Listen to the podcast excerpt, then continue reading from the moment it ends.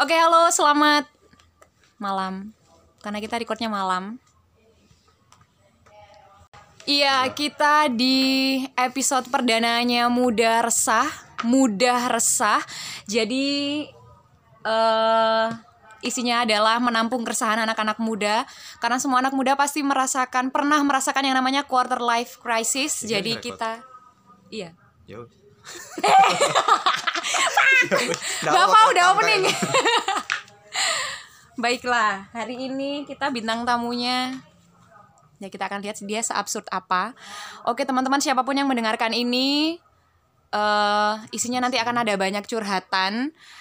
Jadi kita akan belajar sama pengalamannya. Wow, kita akan belajar tentang pengalaman anak-anak muda yang melewati quarter life crisis mereka. Jadi kita juga belajar untuk nggak gampang judgmental. Keren nggak? Oke. Give big hands. Oke, selamat datang. Welcome to my podcast.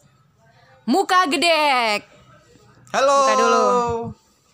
Hai Muka Gedek. Halo. Ap- apa Anda sudah mengenalkan diri apa belum ya? Aku nggak usah, aku anonim aja. Oh iya, Mbak Anonim. Kali ini saya menjadi bintang tamu. Biasanya saya jadi Host. hostnya. Sekarang saya jadi bintang tamu Iya. di podcast Muda Resah. Ada yang udah tahu pernah dengar Muka Gedek? Kamu merasa kamu terkenal apa sih? Oh, saya sangat terkenal sekali. Saya memiliki follower sebanyak 946 ribu. 946 ribu Enggak, orang. 946 biji doang, nggak ada Iya. ribu, nggak ada K. Profil visitnya turun 62 orang sekarang. Karena nggak berkarya. Iya, soalnya sedang sibuk kerja. Ya, jadi Muka Gedek ini dia adalah komikus. Teman-teman bisa cek di Instagramnya @mukagedek. Oke, yang mungkin sudah ikutin ceritanya yang absurd, mulai dari muncak sampai beli jus apukat. Kita akan tanya-tanya apa eh, keresahan apa yang pernah dia rasakan selama perjalanan hidupnya sampai di usia yang ke 34 sekarang. Hei, 34. Banyak Jadi sekali sisanya. Wa astagfirullahaladzim. Naudzubillah min dzalik. Ya kita mulai ya Pak, karena kita nggak punya banyak waktu ini juga studio kita Kita hari ini rekaman di studio lah. wow, keren sekali. Oke, muka gedek itu apa dan kenapa dan gimana awalnya? Kenapa muka dan gedek? Oke, sebelumnya terima kasih kepada Mbak Anonim sudah mengundang saya ke sini, mengundang menjadi bintang tamu di acara yang paling paling terkenal namanya Muda Resah. Semoga Muda Resah menjadi semakin besar dan semakin banyak pendengarnya. Amin. Jadi ini adalah pertanyaan sangat sering sekali dilontarkan oleh pendengar saya juga oleh Semoga pembaca- selanjutnya udah nggak ada yang Iya. tanya lagi. pembaca komik saya juga kenapa sih namanya muka gedek jadi teman-teman muka gedek itu sebenarnya berasal dari bahasa Jawa. Artinya itu rai gedek. Jadi rai gedek itu sebenarnya orang yang nggak tahu malu. Jadi sebenarnya saya itu orangnya sangat pemalu ya. Jadi saya membuat sebuah karakter karakter fiksi yang berlawanan dengan saya gitu. Jadi saya membuat karakter yang nggak punya malu gitu. Nggak mau nggak punya malu untuk melontarkan pendapat dia nggak punya malu untuk membantu seseorang, nggak punya malu untuk marah kepada seseorang. Jadi terlahirlah nama muka gedek. Jadi istilah muka gedek ini kan dari bahasa Jawa yang artinya rai gedek. Rai itu muka, gedek, Gedek itu, itu? dinding bambu. Heeh, dinding anyaman bambu gitu Ah, kan. ah, dinding anyaman bambu itu kalau di bahasa Jawa di sini disebutnya muka gedek. Begitu Mbak Winnie. Oke, akhirnya tersebut ya nggak jadi anonim. Iya iya. Hmm, kita kan sensor. Mbak Anon. Ya. Oke, berarti karena sebenarnya malu tapi pengen ngomong juga akhirnya berlindung di balik karakter komik. Iya benar. Jadi muka gedek itu karakter fiksi yang saya buat untuk sebenarnya itu semua pendapat saya saya lontarkan lewat komik. Begitu. Mbak Jadi komikus sejak kapan? Kamu merasa bakat itu terlahir ada saya sejak saya kamu dari- saya saya membuat komik itu sejak SD. Oh wow. Kalau nggak percaya saya punya saksi guru SD saya namanya Ustadz Arbain. Teman-teman saya SD halo. Halo. Pak Ustadz, eh, Pak Ustadz. Oh iya Pak Ustadz. Gak apa-apa Ustadz Arbain itu ini saya. Oh, iya. Oh ya halo Pak Ustadz. Dan halo Ustadz-Ustadz yang lain. Ada teman-teman saya juga Gus D dan lain-lain. Teman-teman SD saya yang sempat mendukung Saya untuk membuat komik. Dan ya here I am. Saya menjadi komikus yang tidak terkenal hari ini begitu. Jadi emang dari SD tuh sudah suka menggambar ini apa sih? Yes saya dulu itu menggambar komik eh, Satria Baja Hitam Mbak Anonim tahu Satria Baja Hitam? Mungkin kita lahir di era yang beda. Iya, lebih lebih jauh Anda ya. Atau Anda dulu tidak punya TV? Enggak, aku nggak mainnya nggak Satria Baja Jadi Satria Baja Hitam itu eh, kayak pendekar lah. Hmm. Pendekar naik motor trail terus pakai baju kayak belalang gitu. Oh, Jadi iya, iya, tahu, tahu, iya, iya. Nah, seperti itulah. Terus saya membuat komiknya, mini komiknya di buku sekolah dulu. Lalu teman-teman sekolah saya banyak yang membacanya. Dari situlah wah sepertinya saya menjadi bakat sekali ya untuk menjadi sebuah komikus gitu. Dan akhirnya bakat itu terasa, tapi otodidak. Pernah sempat ini nggak sih apa namanya? saya untuk kayak latihan-latihan gitu kan maksudnya Ah, kan iya. nggak pernah saya nggak pernah ikut pelatihan gambar atau pelatihan komik saya cuman belajar dari internet dan beberapa kali ikut bukan kelas online sih jadi sepertinya mereka membuat seperti live di IG para Hmm, komikus-komikus terkenal itu mereka Jadi cuman modal kuota atau wifi iya iya cafe. iya wifi cafe Wifi cafe teman. wifi cafe teman yang bekerja di sana jadi saya nggak harus beli kopinya saya menikmati wifi-nya saja Wow. Literally muka gede. yes Oke, eh pernah sempat merantau ya? Ya, saya dulu merantau di kota Lumpia, Jawa Tengah. Kota Semarang. Ya, waktu itu ngambil jurusan apa? Masih ada hubungannya sama komik nggak? Oh, ada sekali. Saya tuh ngambil jurusan, yang Jurusan? sangat berhubungan dengan, Dengan- gambar menggambar, Heeh. yaitu D3 Bahasa Inggris. Wah. Gambarnya di mana Pak? Bapak gambar Eh, peta UK atau Bukan, bukan. Kalau dari bahasa Inggris Indonesia ke tuh US? menggambar struktur bahasa Inggris Oke, gitu. baiklah. Jadi kita harus memiliki... Kita ada di dunia yang sama. Oh, Anda dari Funny. suku Inggris juga ya? Iya, aku lahirnya di UK. Oh, pantas Anda seperti ini ya. You- Orang-orang UK. Iya. Tapi wajah Anda seperti Arab. Oke, lanjut. Eh, nah. Oke, kita mulai ke bagian resahnya ini sekarang muka gede. Kan dulu merantau itu berapa berapa tahun ya? Kehidupan komikus di kota rantau kayak gimana? Saya hidup di kota Rantau itu selama empat tahun. Jadi awal saya kuliah itu saya masih belum terlalu prefer ke komik ya. Lalu pada tanggal eh pada tanggal pada tahun kedua saya mulai diberitahu oleh teman-teman saya bahwa eh, komik itu bisa di dipampang di Hmm, bisa dapat Instagram. Iya iya. Oke. Belum belum belum ke arah duit waktu itu. Mm-mm. Waktu itu kayak ke arah terkenal aja sih. Tapi Oh, sampai hari iya. ini saya belum terkenal. Anda Anda kenal saya nggak sih? Ini mungkin setelah ada Mudarsa kamu Iya iya wow itu naik insight-nya sangat view. besar Iya, sekali ya karena Anda sangat terkenal ya di Lumajang ya. Sangat. Lalu saya awal kali melihat komik itu kalau dulu ya saya taunya komik cetak. Hmm, Komik cetak itu seperti Doraemon, Iya iya iya. lalu Dragon Ball. Masih nggak lalu- tahu kalau komik itu bisa digital. Iya iya, saya juga benar-benar nggak tahu kalau komik itu ternyata bisa dibikin cuma empat panel. saya benar-benar nggak Oh, tahu. Oke, Saya bayanganmu dulu- jadi satu buku. Iya gitu. iya dulu itu bayangannya satu buku kan kan capek bikin satu buku terus belum tentu ada yang beli pula. Mm. Jadi akhirnya saya bikin yang empat panel. Saya lihat pertama kali itu punya tahi lalat. Oh iya, yang Nah, perlu mikir dulu lima iya jam iya untuk pokoknya untuk ketawa. dari tahi lalat itulah ternyata wah ternyata komik bisa dibikin cuma empat empat empat kotak ya gitu kan itu sederhana sekali. Akhirnya teman-teman juga udah bikin komik aja bikin komik aja gitu. Akhirnya jadilah eh, komik muka gedek itu pada tahun 2015 kalau nggak 16. Hmm, masih masih proses studi ya itu Iya, di iya, Semarang. iya. Lalu setelah empat tahun kamu memutuskan untuk kembali jadi anak kampung. Ya setelah empat tahun saya merantau di Semarang, saya merasa sepertinya kota saya ini membutuhkan orang seperti saya gitu. Sebutkan di mana kotamu berada. Kota saya berada di Lumajang, Jawa Timur. Ya, akhirnya komikus ini dia memutuskan untuk pulang. Dan di sinilah keresahan itu dimulai. ya, akhirnya mulai dari di Lumajang saya tidak bisa menemukan pekerjaan yang sesuai dengan saya. Jadi awalnya dulu itu saya kerja di sebuah sebuah kantor untuk pariwisata di Semarang sana. Kamu di sana gambar.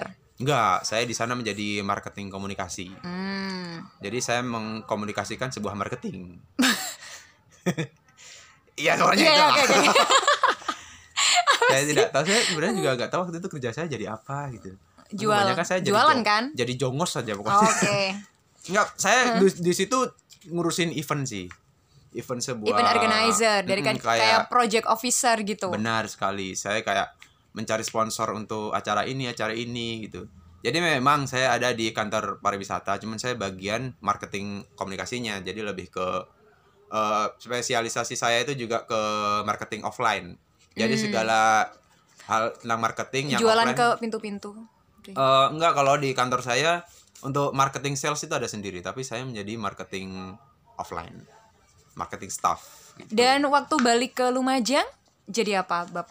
Nah, lalu kan saya Bapak pulang Gede. ke Lumajang, saya itu berharap saya itu diterima kan di Lumajang sebagai eh, marketing komunikasi high class gitu kan. Ternyata Ternyata di sini tidak, ada.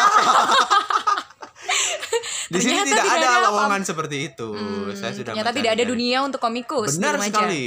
Untuk jurusan saya yang bahasa Inggris yang sangat saya, saya sangat hebat di sana Mm-mm. dan komikus yang saya sangat handal pula Tidak tidak, menemukan ada. jalannya. Iya, tidak menemukannya. Saya sempat ngajar tapi di kelas inspirasi. Mengajar yang tidak dibayar. Iya, mengajar Nggak apa-apa, di itu kelas jadi inspirasi. Iya, jadi pahala nanti di Iya, tapi ternyata ngajar anak SD itu susah ya. Saya nggak mau jadi guru SD deh. nggak susah sih. Cuman butuh kesabaran yang Ya benar. Jadi di Lumajang saya sempat aja. menaruh beberapa lamaran di sebuah perusahaan telekomunikasi namanya tidak saya sebutkan Telkomsel. saya saya sudah sangat pede untuk bisa keterima di sana soal ilmu marketing saya.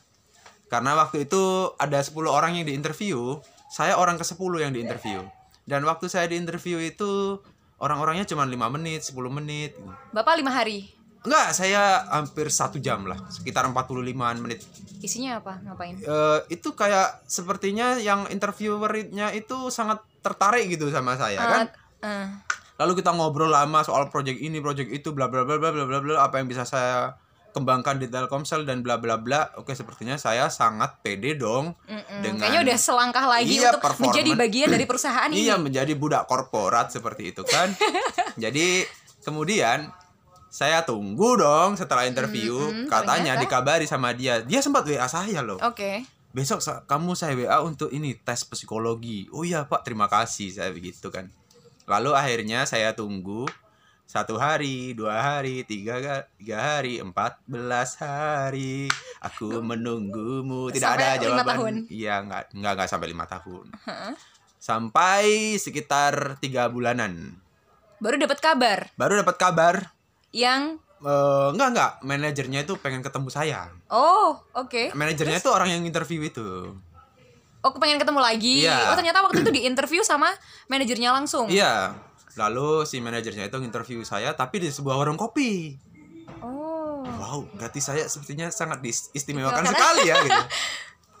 Lalu Ternyata? ketika saya sudah bertemu dengan dia ini soalnya Kayak ini bagian dari segmen. Iya, ini ini sound sound effect. Iya. Jadi ketika saya bertemu dengan dia di sana, Om. jadi saya diajak ketemu di sebuah kafe, bertemu dengan Pak manajernya itu, lalu kemudian dia ngobrol dong dengan saya. Ternyata Hmm. eh ternyata dia memanggil saya Untuk sebagai muka gedek, bukan sebagai orang yang pernah dia interview. Oh, jadi dia nggak tahu. Iya Eh, dia sih? dia tahu saya ini pemiliknya akunnya muka gedek. Heeh. Cuman waktu itu dia memanggil saya sebagai komikusnya muka gedek. Oh, bukan kamu sebagai bukan dalam sebagai rangka apa? kantor. Oh. Dan Jadi- ternyata Dan ternyata bukan sama sekali tentang urusan kantor, tapi urusan komik. eh tapi akhirnya ternyata Setelah itu kami ada kerjasama sih, tapi Ah. tapi tidak ada hubungannya sama waktu itu saya melamar kan. Tapi saya masih penasaran dong, Pak saya kenapa sih nggak diterima? Saya sudah sangat enggak enggak percaya tapi dapat dapat job dong dari komik. Iya, iya, dari... dapat. Oh, Oke.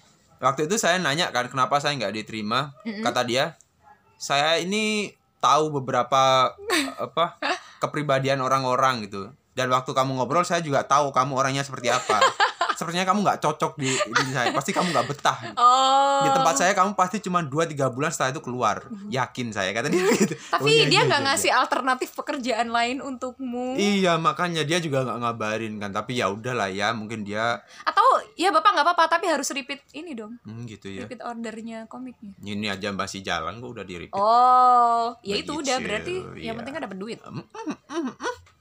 Begitu. pun juga saya pernah di perusahaan yang namanya tidak bisa saya sebutkan bisnet Lumajang sewaktu itu pernah juga naruh lamaran di sana Bapak, bapak-bapak di bisnet nih. saya pernah naruh na- lamaran di sana untuk marketing juga marketing event malah Oh. sesuai dengan pekerjaan saya kemarin kan Hmm. lalu malam-malam tiba-tiba kan rekan saya teman saya ada yang kerja di sana mas dicariin sama manajernya marketing gitu. Oh iya beneran. Udah Iya. wawancara tuh. pokoknya ke sini aja gitu. Hmm. formal apa enggak? Nggak usah santai aja. Tapi saya pede dong saya kira itu tentang tentang tentang pekerjaan kan.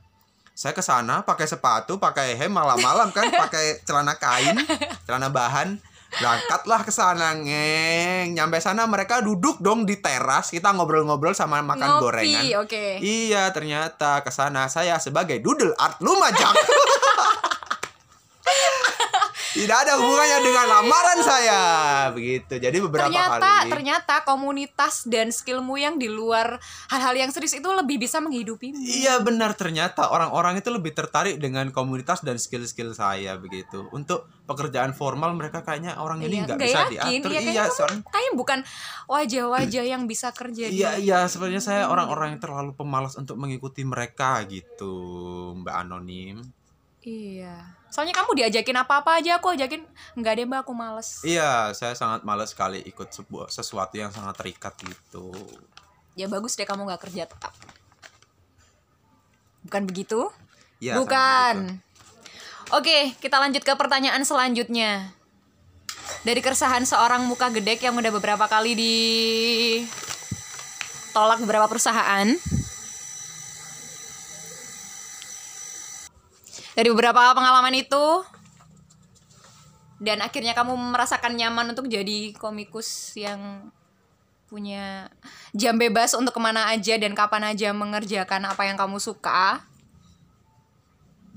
Bagaimana kamu melihat masa depan komikus dan mungkin anak-anak muda dengan profesi yang sejenis di lima tahun ke depan?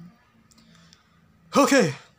Saya akan jadi eh, terbukti ya kalau beberapa skill saya itu sangat tidak dibutuhkan di dunia industri gitu kan di sini. Mungkin nggak di sini sih. Iya, ya di, Kayaknya di kota harus- saya, di kota saya di Lumajang, skill saya tidak terlalu terbukti bisa membantu mereka di perusahaan gitu. Mereka nggak butuh komikus di sebuah perusahaan kan Hmm, ya. bahasa Inggris juga nggak terlalu ada Google Translate sekarang. Jadi saya Aku terancam memutuskan juga untuk- dong. Iya dong. Yaudah. Jadi saya memutuskan untuk bagaimana caranya saya mendapatkan uang dari internet gitu.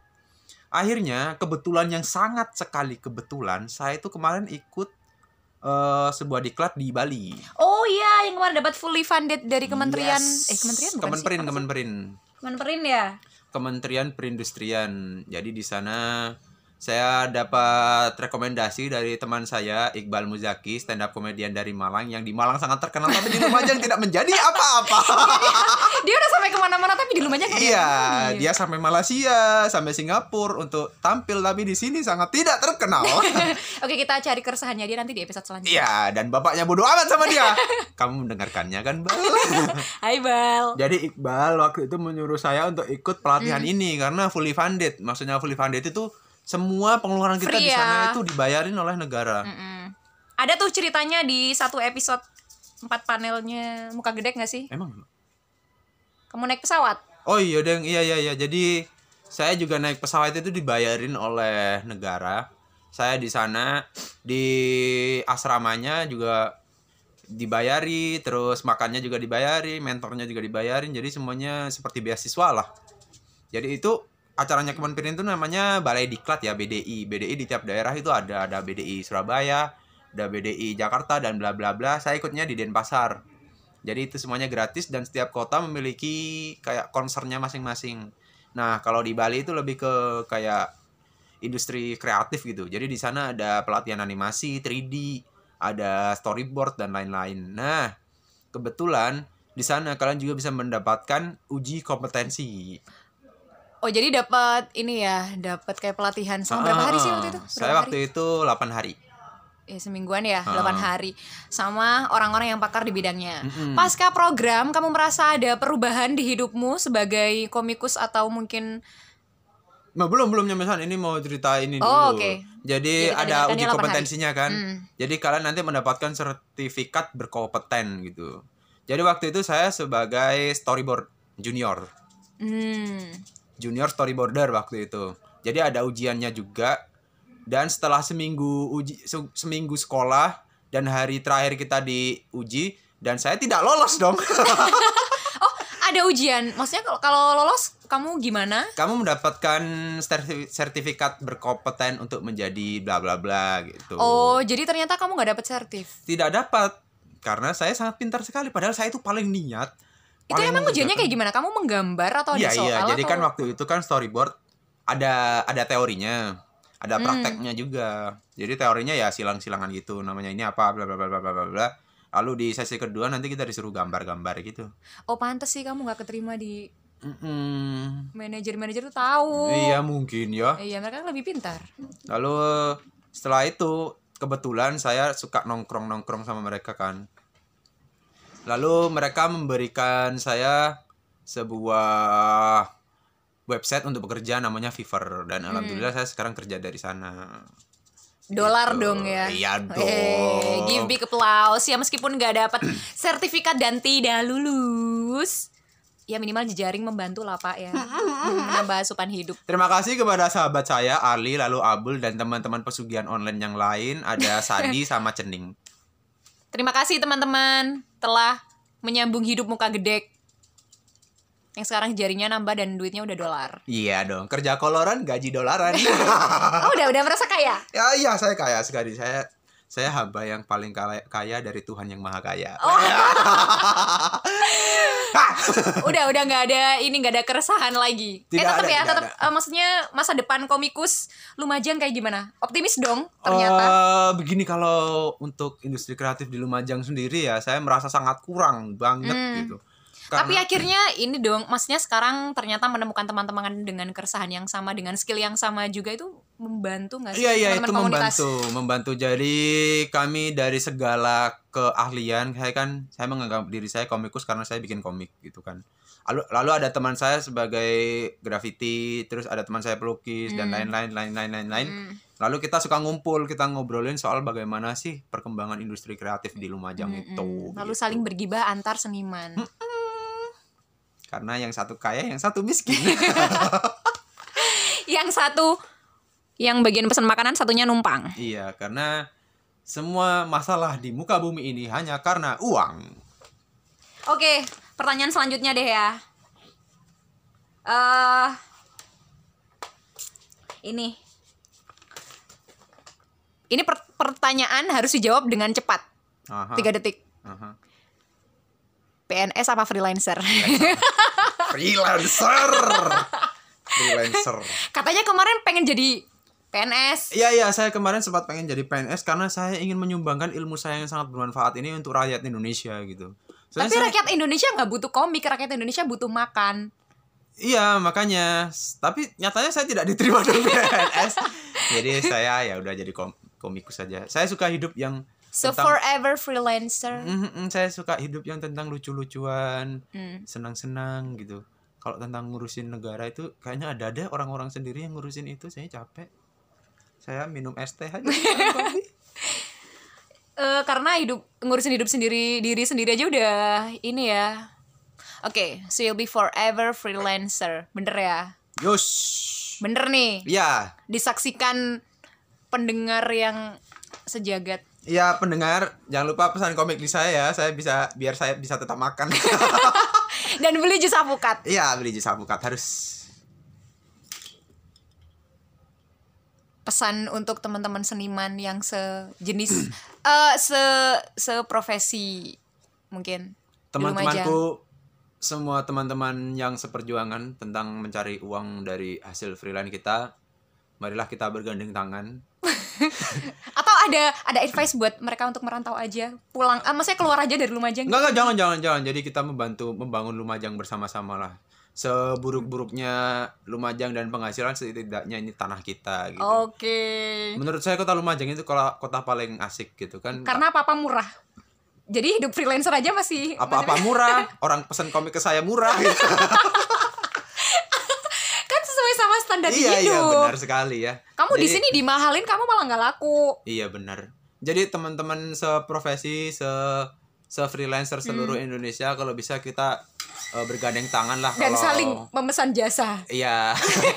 kalau ada apa-apa saya kebetulan sekarang kerja di Fiverr. Kalau teman-teman mau nanya-nanya tentang Fiverr bisa langsung ke Instagramnya Muka Gedek at muka gedek tanpa spasi mu m u k a g e d e k. G E D E K. nanti kita bisa ngobrol-ngobrol di sana. Saya benar-benar hidup dari sana sekarang karena eh, anjuran dari teman saya Ali dari Jakarta. Dia guru saya. Hai guru. Dia adalah guru pesugihan online saya.